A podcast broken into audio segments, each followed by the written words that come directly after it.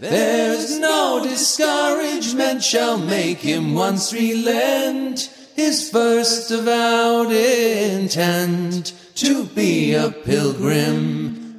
Nou, Reinoud, welkom in de podcast Camino NL. Jij bent hier gekomen op de fiets vanuit Hillegom. En dat is allemaal geen toeval, want jij hebt een fantastisch boek geschreven. De historische atlas van Nederland. Hoe ons land in 2000 jaar is ingericht. En ik zag dat boek liggen in de boekhandel. Ik vond het nog hartstikke goedkoop ook. 34,95 voor nou, een weelde aan platen, verhalen, kaartmateriaal, oude kunstwerken, oude schilderijen staan erin. Helemaal full color, geweldig boek. En ik dacht, nou, ik wil uh, die Reinoud Rutte in de podcast hebben. Maar hoe brei ik daar nou een verhaal aan? Want je had natuurlijk nooit de Camino gelopen of gefietst. Nou, daar hebben we toch wat op gevonden. Uh, en de invalshoek zal zijn... Er zijn natuurlijk mensen die fietsen door Nederland heen op weg naar de Camino. Er zijn ook mensen die lopen er doorheen. En het is natuurlijk hartstikke leuk als je wat weet van al die landschappen die je om je heen ziet. En als je begint te begrijpen, hoe is dat allemaal zo ontstaan? Dus dat wordt de invalshoek van onze podcast... Maar het eerste wat ik natuurlijk eigenlijk wil weten is: waarom ging jij überhaupt dit boek maken? Ja, dat heeft te maken met een combinatie van aspecten. Ik fiets al sinds mijn vijftiende graag door Nederland, hele dagen, een paar dagen achter elkaar. En uh, ik, ik ben daarvoor al door de bosatlas vooral. Deze atlas bevat heel veel kaarten. En in het eerste hoofdstuk zit ook een kaart uit de bosatlas uit mijn jeugd. Hè, met landschappen, met steden, met infrastructuren. En daar ben ik eigenlijk sinds mijn jeugd al in geïnteresseerd. En toen ging ik fietsen en toen raakte ik steeds nieuwsgieriger. Wat zie ik nou eigenlijk? Hoe zit dat landschap nou in elkaar? En de enige studie die mij leuk leek was kunst- en architectuurgeschiedenis, omdat het over gebouwen gaat en over steden. Nou, dat ben ik gaan studeren. En ook nog historische geografie erbij. Dat gaat over hoe mensen het landschap hebben ingericht, in het bijzonder Nederland. En toen, ja, min of meer door een samenloop van omstandigheden, kon ik gaan werken op de faculteit bouwkunde in Delft, waar dus architecten en landschapsarchitecten oh. worden opgeleid, stedenbouwkundigen. Aha. En daar geef ik inmiddels al bijna twintig jaar les en ik mag daar ook onderzoek doen. En uh, voor dit boek heb ik een aantal andere boeken gemaakt, vaak met mensen samen, ook met kaartenmakers. Hey, je hebt historische kaarten die je kunt gebruiken ook voor het onderwijs en voor onderzoek, maar je kunt ook kaarten gaan tekenen. Dat is hier ook gebeurd, hè? Ook in dit boek, waar je allerlei uh, verschillende soorten informatie bij elkaar brengt. Over de soorten landschappen, over de ruimtelijke structuren, over de wegenstructuren. En de en, geschiedenis vooral ook. En hè? de geschiedenis, ja. hoe het in de loop der tijd is ontwikkeld. En uh, hiervoor heb ik op een atlas van de verstedelijking in Nederland gemaakt. Dat was dus toegespitst op de steden en hoe die in de loop van ongeveer duizend jaar zijn geworden zoals ze zijn. Want ik ben eigenlijk alleen maar geïnteresseerd in hoe het er nu uitziet en vervolgens komt dan de vraag op, waarom ziet het er nou eigenlijk zo uit? Ja, en dan kom je in het verleden terecht. Ja, dat kan natuurlijk niet anders. Ik, ik, mag dan wel opgeleid zijn als architectuur- en kunsthistoricus, maar eigenlijk ben ik niet geïnteresseerd in geschiedenis. Ik ben oh. alleen geïnteresseerd in hoe het er nu uitziet. En ik gebruik dus die geschiedenis, eigenlijk noem ik het liever langetermijnontwikkeling, om te begrijpen waarom iets er nu zo uitziet. Dus alles wat ik niet zie, dat interesseert me ook niet. He, dus ik kijk naar dat landschap, ik zie hoogteverschillen. Nou, dan ga ik eens uitzoeken, goh, waar komt het hoogteverschil nou eigenlijk vandaan? Is dat natuurlijk of is dat door Maar dan, zit je toch, dan ben je toch wel geïnteresseerd in geschiedenis? Ja, maar alleen denken. dus als het, als het te maken heeft met hoe iets er tegenwoordig oh, uitziet. Oh, je bedoelt dat, niet dat in, in oorlogen en jaartallen nee, en dat nee, soort dat, dingen. Ik kan nee, ook helemaal geen jaartallen onthouden. Behalve als ik het kan koppelen aan... Uh, ik noem maar wat, een poort van een stad. Dan denk ik, oh ja, Ja, die ja. poort die is toen en toen neergezet. Dan, dan Ja, gaat het mij boeien. Ja, ja. Eh, Maar dat is ook de vraag in dit boek, de centrale vraag en ook in eerdere boeken. Waarom ziet het landschap, Ja. waarom zien de steden en de gebouwen er tegenwoordig zo uit als ze eruit zien? Ja. Wat zit daarachter? Ja, ja. Nou, dat vinden wij natuurlijk ook heel leuk. Ja, dus laten en- we eens een paar voorbeelden behandelen van dingen waar, nou ja, de mensen die naar Santiago fietsen vast wel langs zullen komen. En waar, waar ze, waar, dat jij dus laat, laat weten van, kijk, als je nou bij wijze van spreken daar afstapt en je kijkt even om je heen, dan zie je iets en je denkt dat je weet wat je ziet, maar je weet helemaal niet wat je ziet. Nee, het- uitgangspunt in dit boek is, en dat vertel ik ook, ook aan de studenten. Je kunt een boek lezen en je kunt kaarten lezen, maar je kunt ook het landschap Ja, lezen. En ja, de- maar dat moet je leren. dat moet je leren. Ja. En ik probeer dat in het boek over te brengen. Iets wat mij heel erg opviel in de loop der jaren, maar helemaal toen ik dit boek kon gaan maken. Overigens is dit boek deels op verzoek van de uitgever van Tot gemaakt. Die vroeg ernaar. Die Oh. zei, goh, kunnen we dit... Dit boek is verschenen in een reeks waar steeds één stad wordt behandeld. Ja. Maar hij vroeg toen wij de nieuwe atlas, historische atlas van Amsterdam maakten, mijn collega Jaap Evert Abrahams en ik, kunnen we zo'n boek niet over Nederland maken? Ja, ja. Ik begreep dat eerst niet, want een heel land is heel iets anders dan één stad, maar uitgever Kees van der Hoek heeft mij dus aan het denken gezet. En uiteindelijk is het gelukt om in 35 korte hoofdstukken, dat is het stramien van deze atlasreeks, eh, dat verhaal te vertellen. Maar goed, het gaat om, om dat lezen van het landschap. Maar wat mij opviel toen ik ook gericht ben gaan fietsen voor dit boek. Hè, ik fiets al sinds mijn vijftiende. Ik ben nu in de 50. En uh, toen dacht ik, ja, ik moet eigenlijk ook voor dit boek gaan fietsen, gericht, om nog beter te Ja. kijken. En iets wat dan heel erg opvalt, niet alleen bijvoorbeeld in uh, het duinlandschap, uh, dus de binnenduinen achter de Noordzeekust, waar plaatsen als Haarlem, maar ook dorpen als Hillegom en Sassenheim liggen, dat die allemaal op het zand liggen en op de hoogste punten. Als je van Haarlem naar Leiden fietst en je fietst door de oude dorpskern, dan kom je in Hillegom en dan zie je dat de kerk, het oudste gebouw van het dorp dat er nog staat, althans de toren, staat op het hoogste punt. Ja, zit maar zie je dat ook? Dat zie je als je oplet. En je voelt het op de fiets, hè? Ja, ook te voet, want je gaat iets omhoog. Oh ja, Kom hoe- je hoeveel dan? een meter, anderhalve Ja, meter, twee. Maar als je bijvoorbeeld... Ik, ik kom nu uit Hillegom fietsen vanochtend. Ik fiets, ik woon zelf op het zand, niet ver van het spoor. Weliswaar deels afgegraven duin, maar dat is wel een zandrug. Ik fiets naar het dorp, dan fiets ik iets omhoog. Dan ben ik in het oude centrum. En vervolgens fiets ik richting het Haarlemmermeer. En dan ga ik omlaag. Ja, en dat is echt een paar meter. geweest. Dan ga ik van het Ja. veen, of pardon, van het zand ga ik naar het veen. Ja. En dan kom ik lager. En dan ga ik vervolgens de brug over van de ringvaart van het Haarlemmermeer. En dan ga ik een paar meter naar beneden. Hè, die vroegere, Ja, precies. eh, dat vroegere meer in. Maar ook als je in het rivierengebied fietst. Is een paar weken geleden.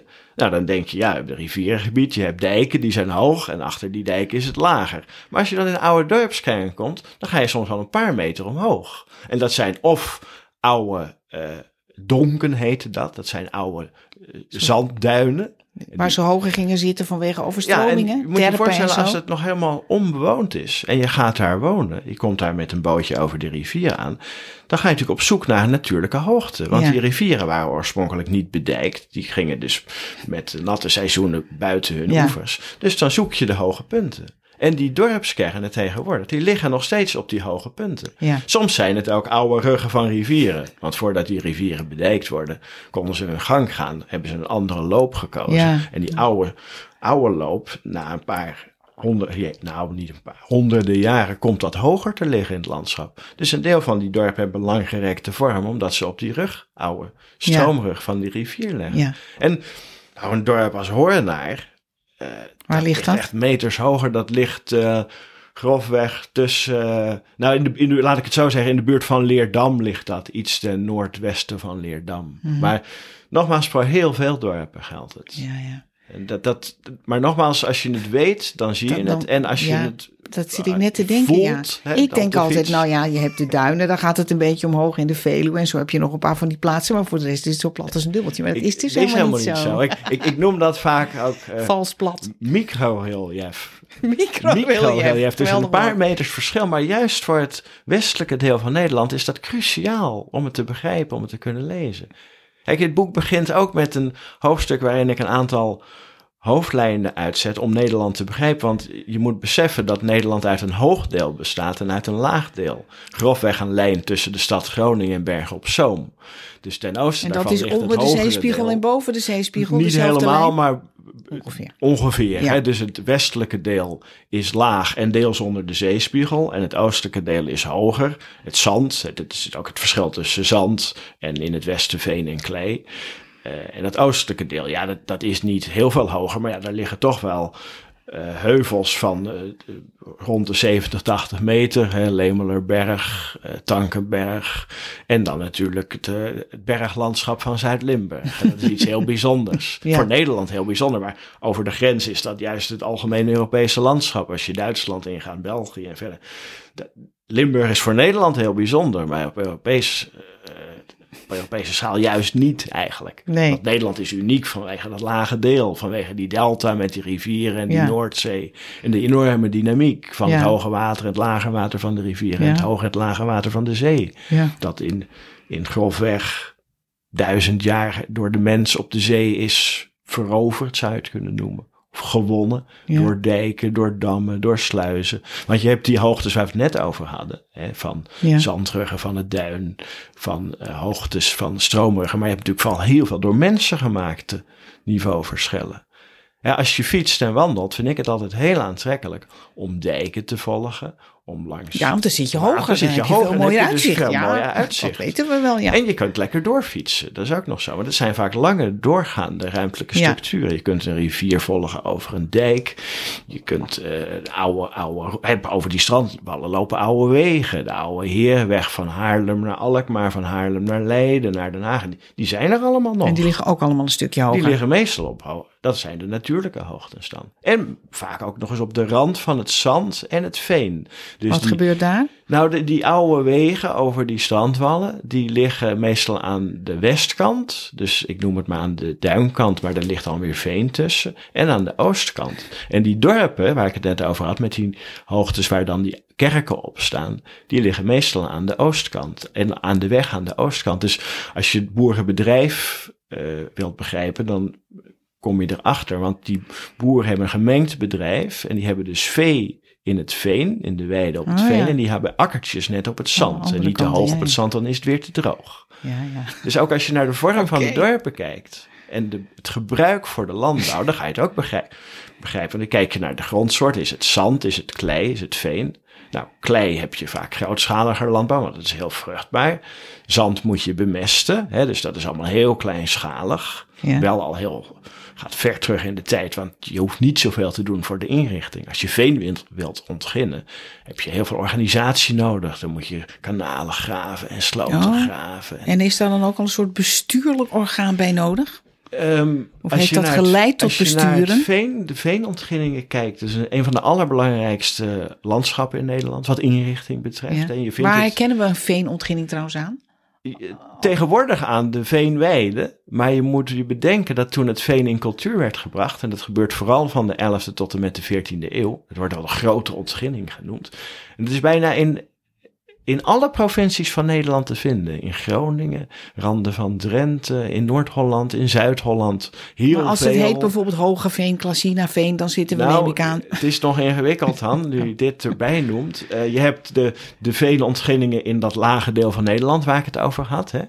En eh, daar is het van de 11e tot en met de 14e eeuw in cultuur gebracht. Meestal goed georganiseerd. En dat betekent dus onder supervisie van adellijke families, van bisschoppen. En je moet bedenken dat de bisschop in die tijd was niet alleen een geestelijke, maar ook wat wij tegenwoordig noemen een bestuurder en politicus. Ja. Natuurlijk een heel groot gebied in handen.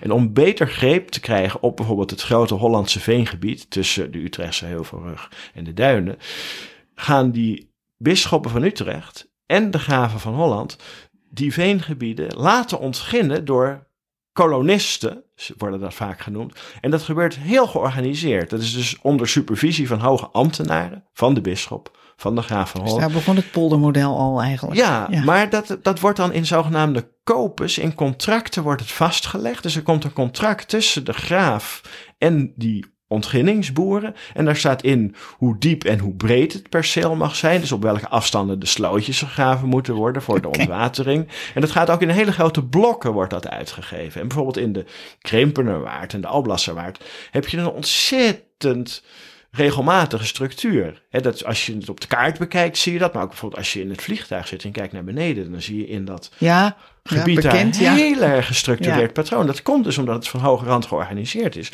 En omdat dat de meest efficiënte manier is om dat veen, hè, veen bestaat uit plantenresten in een waterige omgeving, om dat te ontwateren. En daarna, want het is heel vruchtbaar, het zijn plantenresten, Ja. kun je dus akkerbouw bedrijven. Ja. Maar omdat een bijeffect of een onlosmakelijk onderdeel van het ontwateren is, dat de bodem gaat dalen. Hè, Veen is een spons. Wordt een spons droog, dan krimpt die.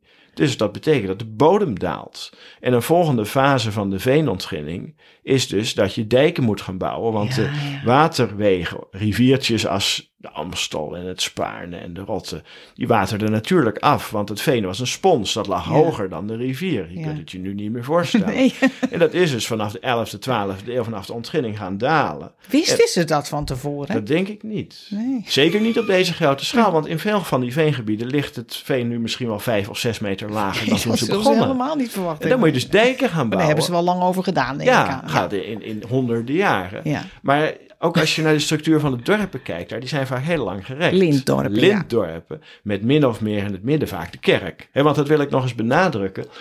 Als je nu kijkt naar allerlei soorten dorpen, of er nou dorpen zijn in die veenontginningen, of op de zandgronden in Drenthe of in Brabant, of in de duingebieden, hè, de, de, de. De kerken zijn tegenwoordig meestal de oudste gebouwen die we nog hebben. Ze staan dus op de hoge punten. Ja. Dus die, die, die vormen een, een cruciaal onderdeel. Het is ook in het boek is het de eerste architectuur die ik behandel. Want ik probeer in dit boek de landschappen. En dan heb ik het dus over door mensen gemaakte landschappen. Als er iets kenmerkend is in Nederland, dan is dat het door mensen allemaal ingericht Ja, bijna is, alles, gemaakt Ja. is. Die, die, die kan ik pas behandelen, die architectuur, in verband met die landschappen. Bijvoorbeeld de prachtige terpdorpen in het noorden, die deel uitmaken van de kleinontginningen, de kleinschalige kleinontginningen, die verschijnen op die terpen, die kerken. Nou, dan introduceer ik de Romaanse kerken. Als er grote stadskerken worden gebouwd, in Haarlem, in Gouda en Amsterdam, en die geweldige kerken als de Bavo in Haarlem en de Oude en de Nieuwe Kerk in Amsterdam en Delft, allemaal pas 14e, 15e eeuw. Daar stonden al kerkjes op de plek van die grote kerk. Eerst een houten kerkje, dan een, vaak een natuurstenen kerkje. Dan wordt in de loop van de 12e eeuw de baksteen geïntroduceerd door de kloosters. Oh? En dan wordt er, in, en er is natuurlijk heel veel klei langs al die rivieren en in al die kleingebieden in Zeeland en in, eh, in het noorden, maar ook langs de grote rivieren. En wij hebben natuurlijk geen natuursteen in Nederland. Dus Nee. natuursteen is heel duur en kostbaar. Ja. Dus die vroege Romaanse kerken zijn natuursteen, maar dat komt allemaal uit de Eifel. En eh, dat zijn dus ook kerken die door bisschoppen worden gebouwd, de grotere, de rijke. En dus in die kleigebieden die heel vruchtbaar waren, waar kennelijk veel geld was. Ja, ja. Maar als dan die, dus die grote stadskerken worden gebouwd, die breng ik in verband met het ontstaan en de ontwikkeling van de steden. En Ja. Want dan is er veel geld en die steden die beginnen te groeien Grote in de 14e bevolking, eeuw. En dan is het nodig om een grotere kerk te bouwen. En die worden deels in natuursteen gebouwd uit de omgeving van Brussel. Hè. Daar worden dus eigenlijk bouwmeesters gezocht die voor niet te veel geld een grote kerk, hè, dus die het oude kerkje kunnen vervangen door een grotere nieuwe kerk. In op dat moment de meest moder- moderne stijl of nieuwe stijl van de gotiek. Maar ja, niet zo duur als de grote kathedralen in Frankrijk. Eh, het, een van de weinige Want het was gewoon niet aan te slepen, al dat materiaal. heel duur Ja. De bisschop in Utrecht, die lukt dat wel. Hè? De bisschop in Utrecht, die haalt in eh, de jaren 1250, haalt hij een Franse bouwmeester naar Utrecht. De, de oude dom in Utrecht, de Romaanse dom, die vliegt in brand in 1254, meen ik. En dat grijpt de bisschop aan om te beginnen met een nieuwe kerk. Maar eerst wordt die Romaanse kerk hersteld. Want je- er staat natuurlijk niet in één keer een nieuwe gotische kathedraal. Nee. Dus die Romaanse kerk wordt hersteld, maar die bisschop die ziet dat om zich heen gebeuren. Die ziet in Frankrijk, eh, in en om Parijs, Ile-de-France, de ene na de andere belangrijke bisschop zijn Romaanse kathedraal door een gotische kathedraal vervangen. En dan beginnen ze vaak met het koor en dan in stapjes, maar dat duurt honderden jaren.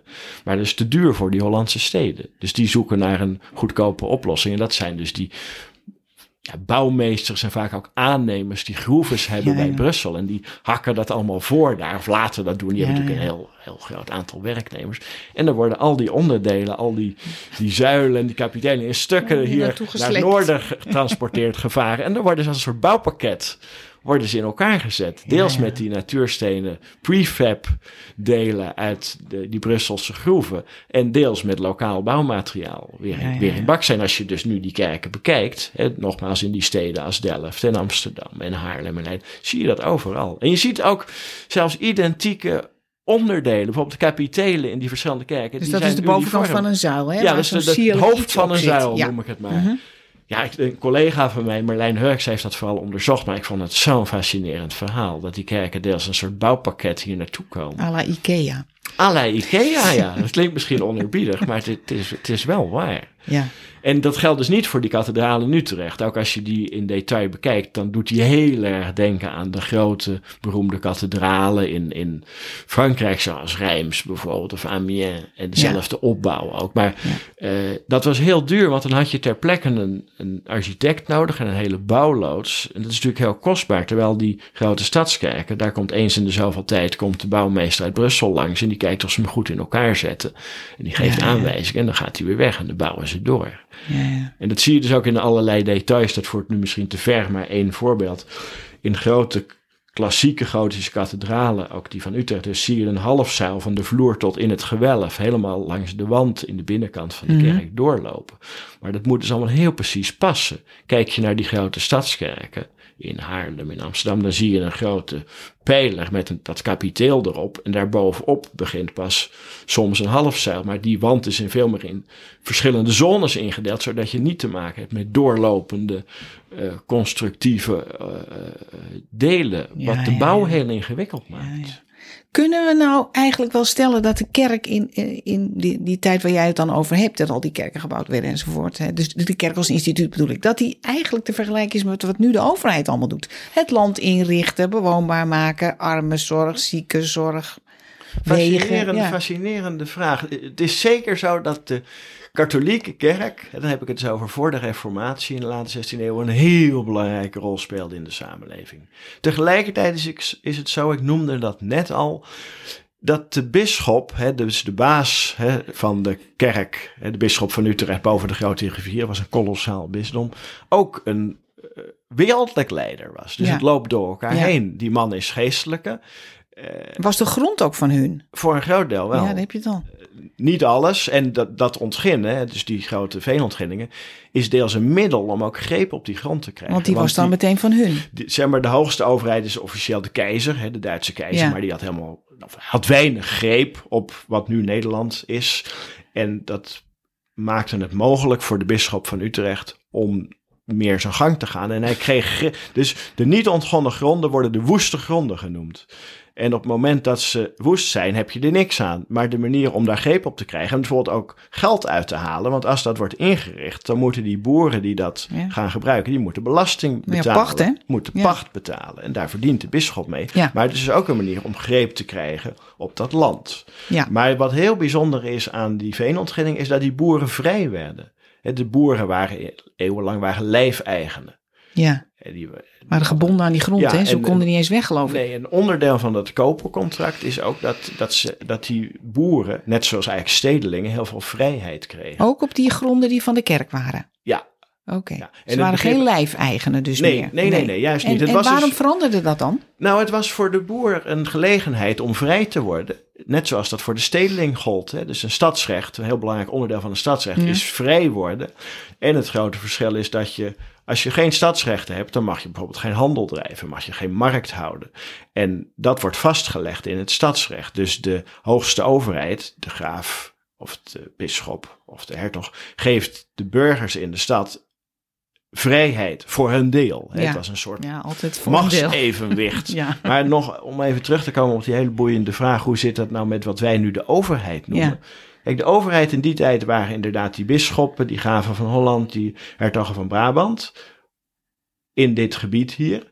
Eh, die hadden heel veel invloed. Hè. Die konden dus ontginningen in gang zetten. Dus de inrichting van de verschillende soorten landschappen. Die konden eh, stadsrechten verlenen. Maar ze waren afhankelijk van de bevolking. Geen stad zonder burgers. Je trekt de stad trekt de burgers naar de stad door ze vrijheden te geven. Dat betekent wel dat je een deel van je macht uit handen geeft.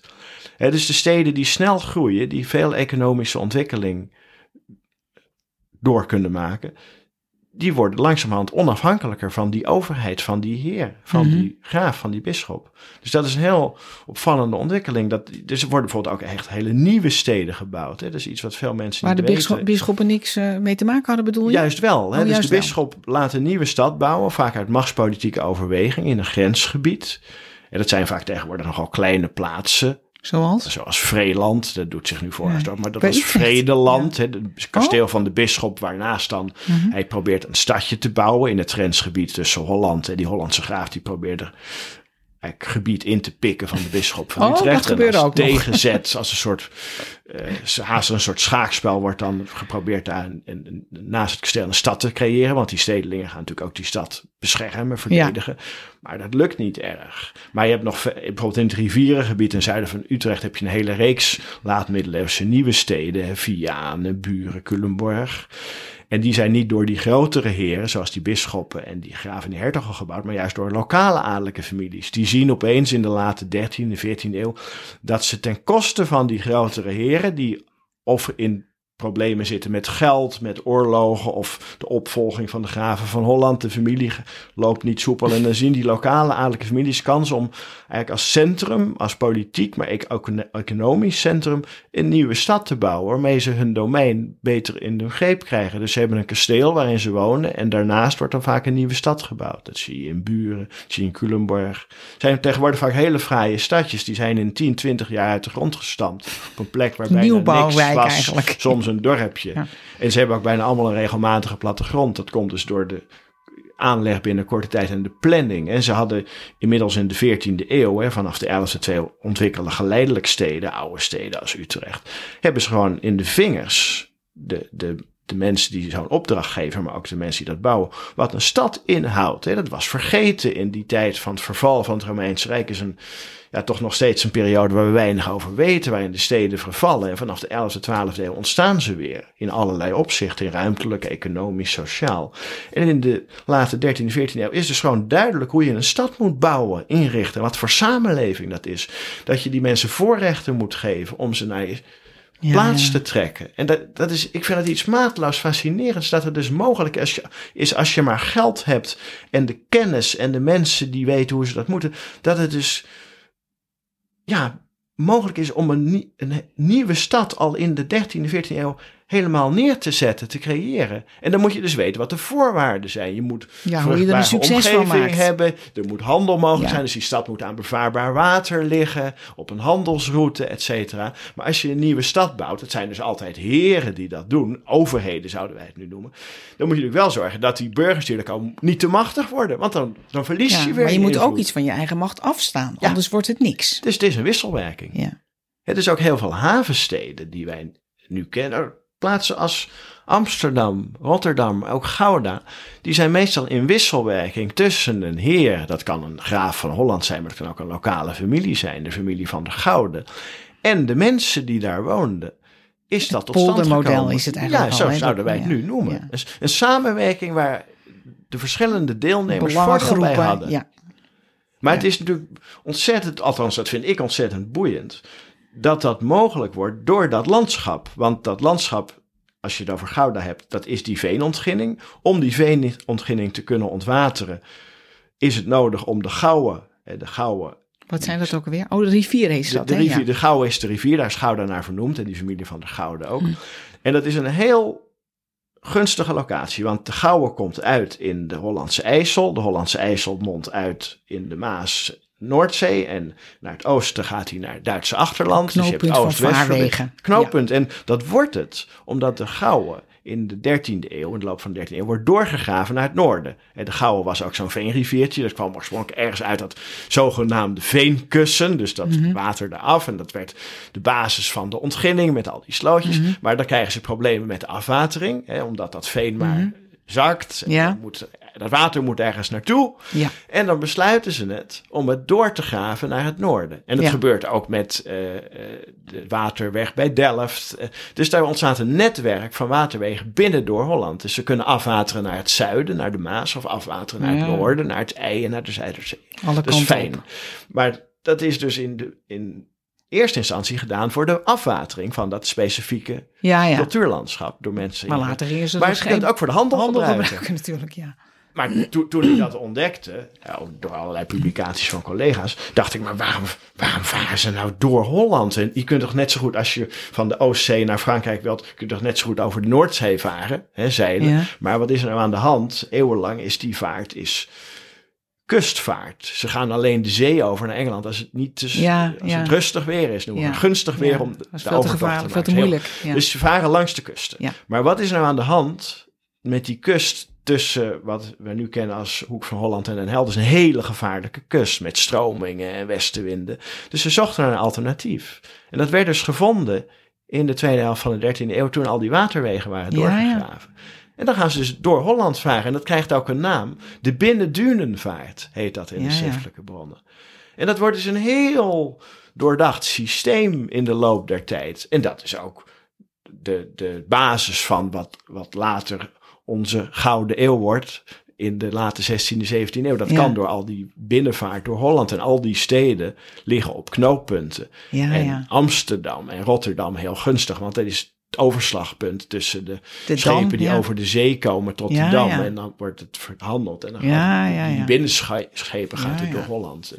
Dat is... Nou zijn die grote rivieren, behalve natuurlijk voor het transport, ook een grens bij ons tussen het protestantse deel en het katholieke deel. Wat, wat heeft dat er nog mee te weer- maken? Weer, weer zo'n fascinerend thema. Eh, de reformatie, eh, de opstand, de complex verhaal.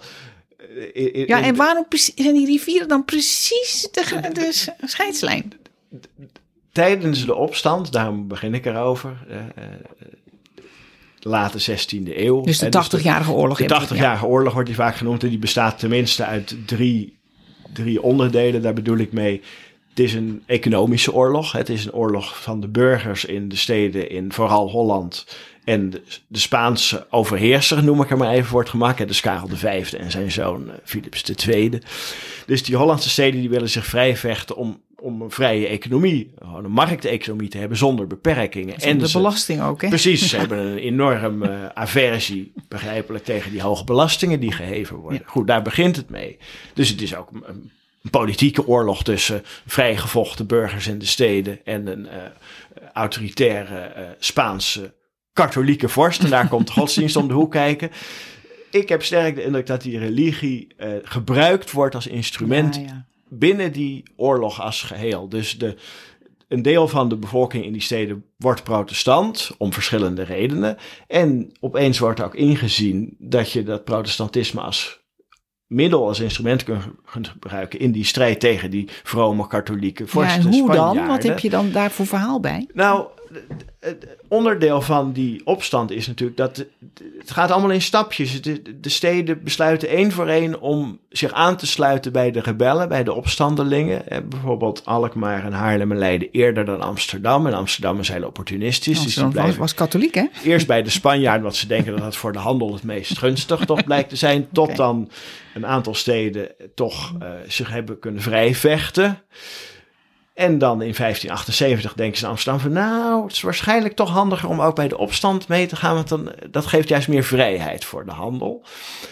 En eh, nou ja, daar komt een heel belangrijk moment overheen in die oorlog dat de, de Schelde wordt geblokkeerd, de val van Antwerpen, want Antwerpen is ook tien jaar protestant geweest. Hè.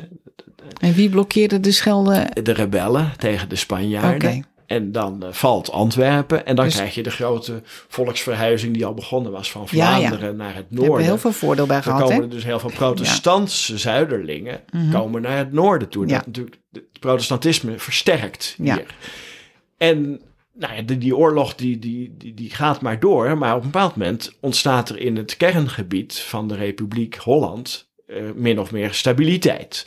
En de, het omstreden gebied, dat, er komt een grensregio tot stand. Die loopt grofweg van wat wij nu kennen als Zeeuws-Vlaanderen via Brabant, grote rivieren, eh, richting Arnhem, IJssel. En, en dus dat is de, de- wordt een, een omstreden grenszone. En steden in dat gebied krijgen ook enorme vestingwerken, zoals Breda en Bergen op Zoom.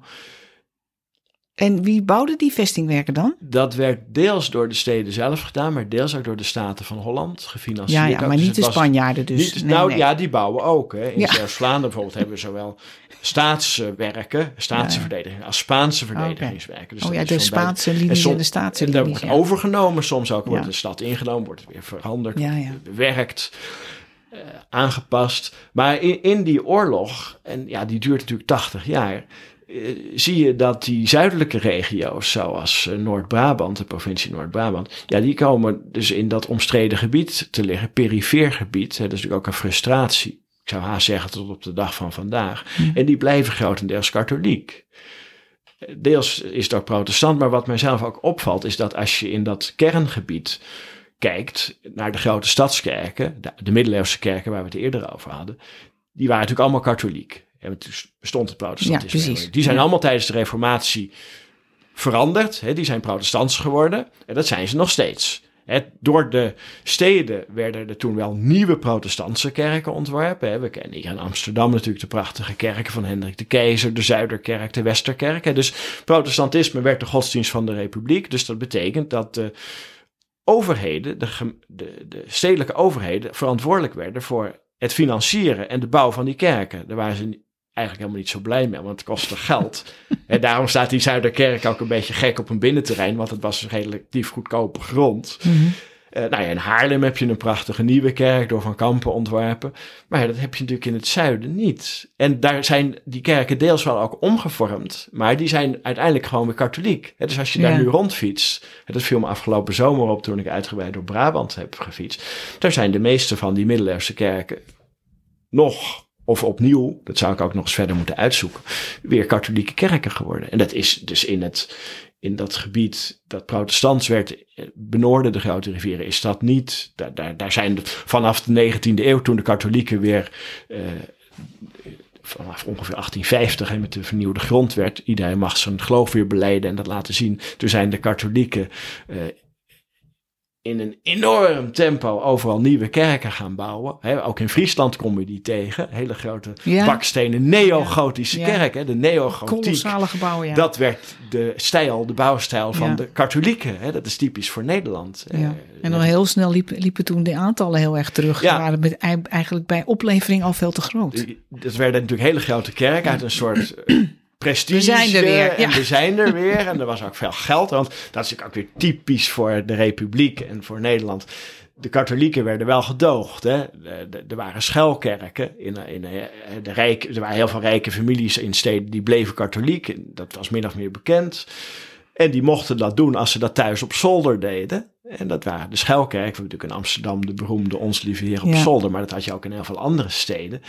En in Delft eh, staat een hele grote neogotische kerk midden in het centrum, het oude centrum. Eigenlijk naast het marktplein met eh, de middeleeuwse kerk. En dat is ook de plek waar een katholieke familie een huis had met een schuilkerk. En die hebben dus toen dat weer mocht, na 1850, hebben ze op die plek, ter plaatse van hun huis en de schuilkerk, hebben ze die grote neogotische Oh, katholieke ja, kerk neergezet. Daarom staat hij ja, daar. Ja. Oké. Ja, dat is...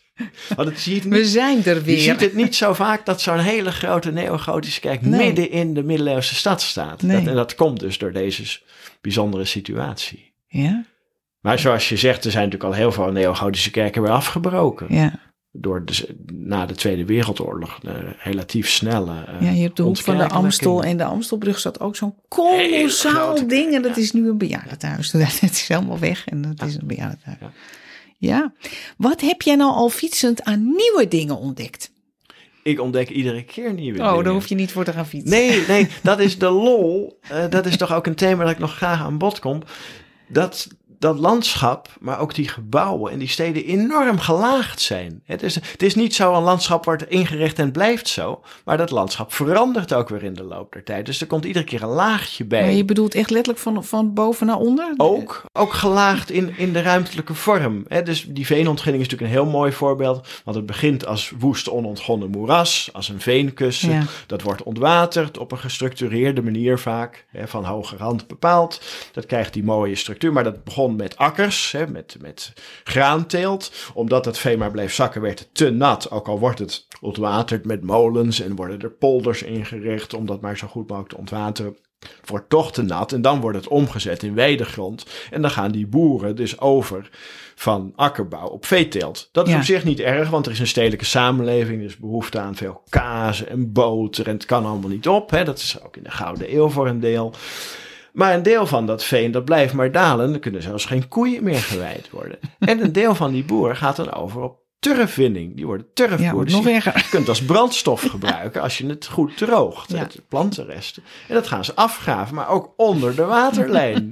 en dat worden natuurlijk plassen hè, door mensen gemaakt water. En vervolgens worden die plassen voor een deel weer droog gemaakt. nou, dat is dus een, wat ik bedoel met gelaagdheid. En er zijn stukken, bijvoorbeeld bij de Kromme Meidrecht in het Groene Ja. Hart, waar je dus die oude natuurlijke veenrivier nog ziet Ja. kronkelen, te Kromme Ja. Meidrecht. Links en rechts daarvan fiets je dan over de dijk. En soms in de laagte. En in die laagte heb je die stukje nog, een restje van die middeleeuwse veenontginning. Met die, al die parallele slootjes. En daar heb je een dijkje achter. Vaak op niet meer dan een paar honderd meter nu van de Kromme Meidrecht. Dat dijkje heb je nu een vaartje.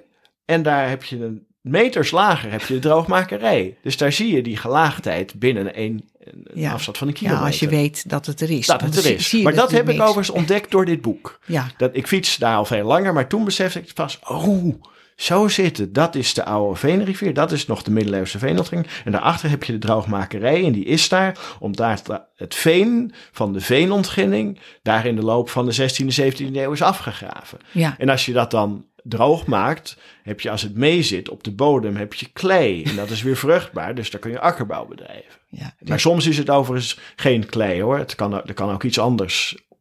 Ja. Het kan ook nog veen zijn of soms ook zand. Dat ja, dus ook voor jou geldt, je gaat het pas zien als je het door hebt. Ja. Ja, Ja, nee, heel zeker. Kijk, ik, ik, als ik meerdere dagen fiets, heb ik ook altijd een historische atlas in mijn fietstas van Ja. dat gebied. Eh, zodat ik op de kaart kan kijken, want dan begrijp ik het pas. Hè. Dus als, als ik een landschap wil begrijpen, wil lezen, dan kijk ik naar wat is het voor grondsoort. Hè. Is dit veen, is het zand? Ik kijk naar dingen als eh, microrelief. microrelief, dus, dus hele klei- kleine, kleine hoogteverschillen. Ja. Of dat nou natuurlijk is of door mensen eh, gemaakt in de loop der tijd. Ik kijk naar wat voor soort landschap is het. Hè? Dus is het een veenontginning? Is het een zandontginning uit de eh, middeleeuwen of veel recentere? Je hebt ook zandontginningen die pas met de introductie van de kunstmest in de late 19e Oh, eeuw ja. zijn eh, gemaakt. En ik kijk, dat is nog een heel belangrijk aspect uit de 20e eeuw, of er ruilverkaveling is opgetreden. Oh, natuurlijk. Ja. In, in de 20e eeuw, vanaf de jaren 1920 tot de jaren 1980, ook een enorm overheidsproject, is in hele grote delen van Nederland de boel op de schop genomen om te zorgen dat alle kleine akkers en weilanden meer samenhang gingen vormen. Dus de ruilverkaveling bestaat letterlijk uit herverkavelen, zodat de eigendom van één boer allemaal bij elkaar ligt. Dat was Ja. vaak helemaal verspreid. Dus dat is een onderdeel. Maar daar hoort ook bij dat allerlei kleine landschapselementen, zoals walletjes en slootjes, worden weggehaald. Ja. Om er met grote landbouwmachines op te kunnen werken. En de ontwatering wordt vaak verbeterd, zodat je een vast grondwaterpeil kunt creëren, zodat de boeren minder last hebben van ja, rotten, van eh, graan en dat soort dingen. Dus voor de, voor de akkerbouw in de veeteelt was dat natuurlijk iets moois hè, vanaf de jaren 20 en het grootste deel is in de jaren 50 en 60 gedaan. Maar voor het landschap is het nogal Ja. eens desastreus. Ja. Dat, dus ja, daar moet je allemaal naar kijken. Overigens is die ruilverkaveling lang niet altijd op zo'n hele grote schaal hoor. Het is, er zit ook allerlei variatie in per grondsoort, per cultuurlandschap en afhankelijk van wanneer het gebeurd is. En je hebt hele rigoureuze ruilverkaveling en dat is dus heel saai om doorheen te fietsen vaak. Maar je hebt ook een redelijk subtiele ruilverkaveling. Gelukkig. Er zit heel veel variatie in. Dus, maar dat is ook dus weer een laag. Soms Ja. is die laag van die ruilverkaveling een eh, nogal rigoureuze. en soms is het... Valt, er zijn gebieden waar ik het pas begreep toen ik de kaart ging bekijken. Ook in deze atlas zit een kaart van al die ruilverkavelingen. En ik zie die kaarten ook letterlijk als lagen. Dus die kaarten van dit boek kun je eigenlijk over elkaar heen leggen. De Ja. kaart met de verschillende cultuurlandschappen, de kaart met de ruilverkaveling, de kaart met de poldervorming. En da- dan zie je het, dan ga je het begrijpen. Ja. Ja, het is een fantastisch boek. Het kost slechts 34,95. Ik dacht, hoe kunnen ze het ervoor maken? Zo'n boek ja, met honderden pagina's en allemaal kaarten. Ook heel veel speciaal gemaakt kaartmateriaal. Hè?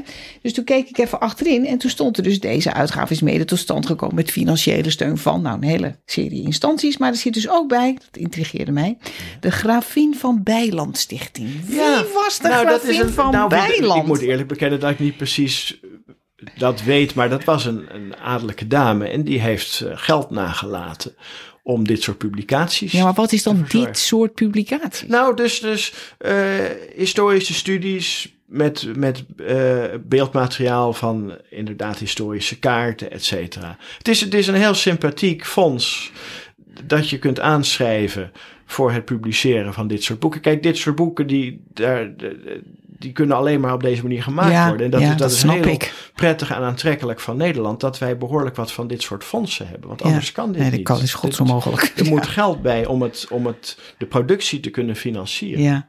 En kijk, de uitgever weet ook dat als je een boek deze prijs geeft, dat dat dan aantrekkelijk is ja. voor de verkoop. En dat betekent dus ook als je het boek duurder maakt, dat je veel minder verkoopt Ja. en dat, je, dat het uiteindelijk niet Kan uit het, kan. komt het helemaal niet uit, nee. Nee, dat snap ik. Dat is, de, dat, is, ja, dat is de ervaring van een uitgever. Die weet dat je een mooi boek moet maken. En die weet dat je het vriendelijk moet prijzen. Waardoor je er wel heel veel meer verkoopt. Hè. Er is nu inmiddels een tweede druk. Oh, serieus? Dat- Hoe groot was de eerste druk?